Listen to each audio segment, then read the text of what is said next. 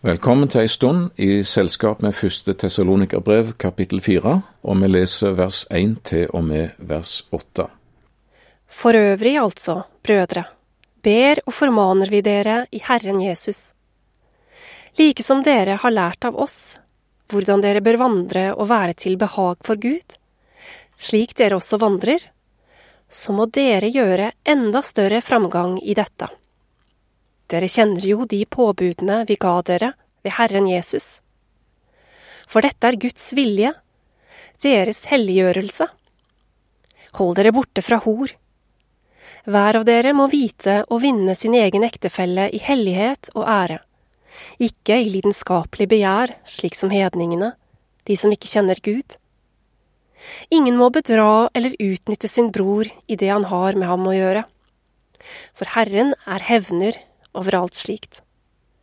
Dette har vi også før sagt dere og vitnet for dere. For Gud kalte oss ikke til urenhet, men til helliggjørelse. Derfor, den som forakter dette, han forakter ikke et menneske, men Gud, som gir sin hellige ånd i dere. Dette er et formanende avsnitt. Det handler om det kristne livet, det som Skriften kaller for helliggjørelse. Enkelt sagt består det i at Kristus vinner skikkelse i dere, Galaterbrev 4 vers 19, at vi mer og mer skal preges og formes av Jesus gjennom vårt samfunn med Han. En kunne kanskje si at nøkkelverset her er vers 7. Gud kalte oss ikke til urenhet, men til helliggjørelse. Og dette verset innringes av meget praktiske formaninger om hvordan vi skal leve så vi kan vandre og være til behag for Gud.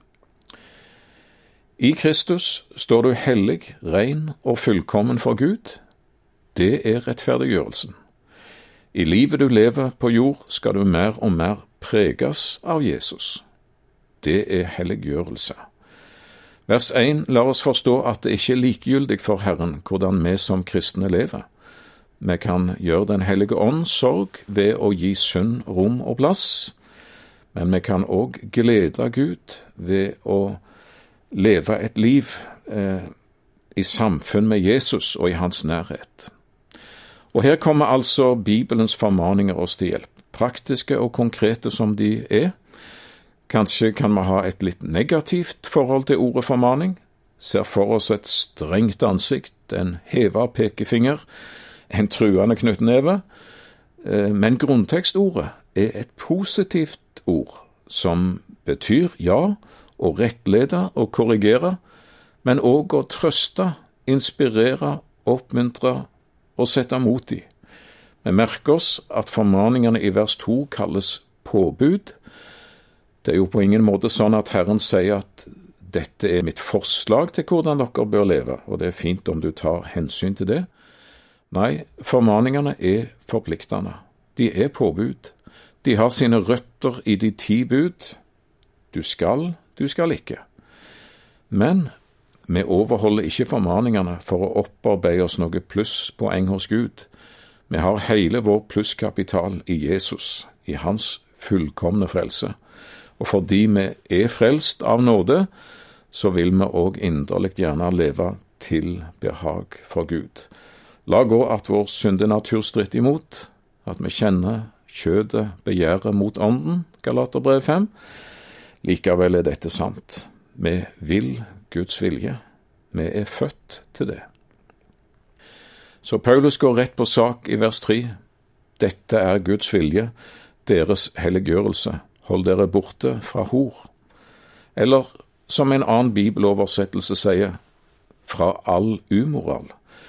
Grunntekstordet bærer òg i seg et langt borte fra her, ifølge studiebibelen. Altså sky alt som har med utroskap og seksuell umoral å gjøre, sier ordet, hold deg unna, sørg for å legge lengst mulig avstand mellom deg og fristelsen, oppsøk ikke situasjoner der du setter deg sjøl i fare, hvor du vet du er svak, i livet, i hva du leser, hva du ser, i hvem du omgås og måten deres omgås på. Hold dere borte, roper Paulus. Eh, Tessalonikerne levde, som vi gjør det, i en gjennomseksualisert kultur, men deres møte med Jesus forandra alt, og de fikk vite at seksuallivet skal aktivt leves ut innenfor ekteskapets rammer. En skal vinne sin egen ektefelle i hellighet og ære, sier vers fire, ikke i lidenskapelig eller sanselig begjær, slik som de som ikke kjenner Gud. Vi takker Gud for lidenskapet, for sanseligheten, for begjæret. Da Gud skapte mennesket, så skapte han de til mann og til kvinne. Han leda Eva til Adam, han velsigna de, han innstifta samlivet, seksuallivet, før og ikke etter syndefallet. Guds vilje er god. Denne lidenskap, dette sanselige begjær mellom de to som hører hverandre til, det kaller Høysangen kapittel 8 vers 6 en Herrens flamme, en ild som er villa og antent av Skaperen sjøl. Og ild som er under kontroll, som for eksempel ild som brenner i en peis, er god.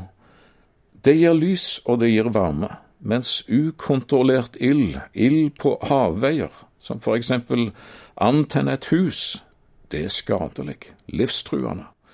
Og sånn vil Gud at ekteskapet skal være ramma om seksuallivet, at ikke begjæret skal styre, men at det faktisk skal styres og leves ut i den rette sammenheng. Gud kalte oss til helliggjørelse, ikke til urenhet. Vers seks Ingen må bedra eller utnytte sin bror eller søster eller noen i noe han har med vedkommende å gjøre. En skal kunne stole på en kristen. Det er forbudt å tråkke på sin neste og bruke han eller henne enten som ei dørmatte eller et trappetrinn eller et middel for sjøl å oppnå noe. Den som forbyr dette, er Gud.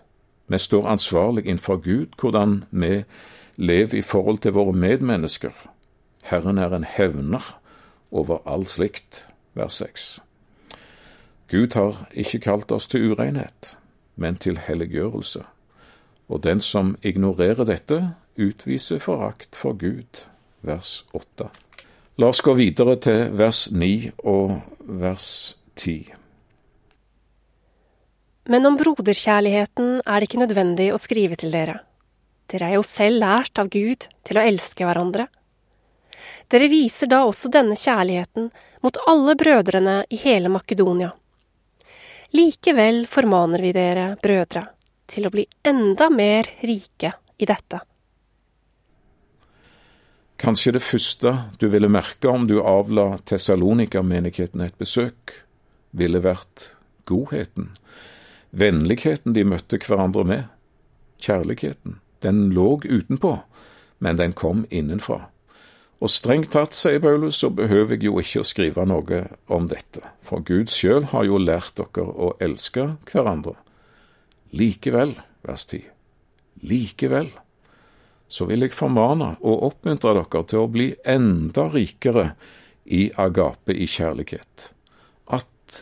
Dere er bevisst at det ikke gradvis, nesten umerkelig, blir kaldere mellom dere. Når den første begeistring er over, når, når vekkelsen er forbi, når hverdagsslitasjen kommer, når andre skuffer deg, og du kanskje skuffer andre, vær nådige mot hverandre Fortsett å vise hverandre godhet. Elsk hverandre, ikke mindre enn før, men mer. Bli enda mer rike i dette. Så leser vi vers 11 og vers 12. Sett deres ære i å leve i stillhet, og ta vare på deres egne ting og arbeid med deres hender, slik som vi bød dere så at dere kan omgå sømmelig med dem som er utenfor, og ikke trenge hjelp fra noen. Mens dere venter på Jesus, at han skal komme, vær ikke bråkmakere, kranglefanter, trøbbelmakere, vær ikke sånne som legger seg opp i alt mulig som de egentlig ikke har noe med. Lev stille, fredelig. ta vare på deres egne saker. Vær pliktoppfyllende, positive, gjør ditt arbeid på en samvittighetsfull måte. Sett deres ære i å leve. Vers 11. Sånn, altså å leve ut deres kristenliv i hverdagen, i de små hverdagslige ting, så dere kan omgå sømmelig med dem som er utenfor, de som sjøl ikke er frelst. Det sømmer seg for en Guds datter, en sønn av Gud, å leve ærlig, tillitvekkende. Gud kalte oss ikke til urenhet, men til helliggjørelse. Barclay skriver om disse vers når vi som kristne viser at vår kristendom gjør oss til bedre arbeidere, sannere venner og mildere menn og kvinner, da er det forkynnelse vi driver. De som står utenfor, kommer kanskje aldri inn i kirken for å høre en preken, men de ser oss hver dag utenfor kirken. Vårt liv er den preken som skal vinne disse menneskene for Kristus. Ja, vinne de på en sånn måte at de faktisk kan åpne seg for evangeliet om Jesus. En kristen eh, på en arbeidsplass var frimodig når det gjaldt å vitne med sine ord, men han levde dessverre et eh, uryddig og dårlig liv, og en arbeidskollega sa det til han ved en anledning. Livet ditt roper så høyt at jeg ikke hører et ord av det du sier. Hans liv drepte hans ord. Så langt vi kan, skal vi være sjølhjelpte, sier vers tolv, sånn at vi heller er i stand til å hjelpe andre som ikke er så privilegerte at de makter livet. Det er òg ei side Bibelen snakker mye om. Men dette avsnittet handler altså om livet i all dets mangfold, i alle sammenhenger og relasjoner. Gud har ikke kalt oss til urenhet, men til helliggjørelse. Eh, en stavangermann ble meget overraskende for sine omgivelser, og litt for seg sjøl òg. Frelst for en del år siden, og hans eh, vesle datter gjorde en interessant observasjon. Pappa, sa hun, du er blitt snillere med katten etter at du ble en kristen. Kona merka forskjellen, de forundrede venner merka veldig godt forskjellen. Dattera merka det, ja, helt ned på kattenivå ble det merka. Noe har skjedd. Hva? Jesus har flytta inn. Kan det merkes av mitt liv at jeg lever med Herren?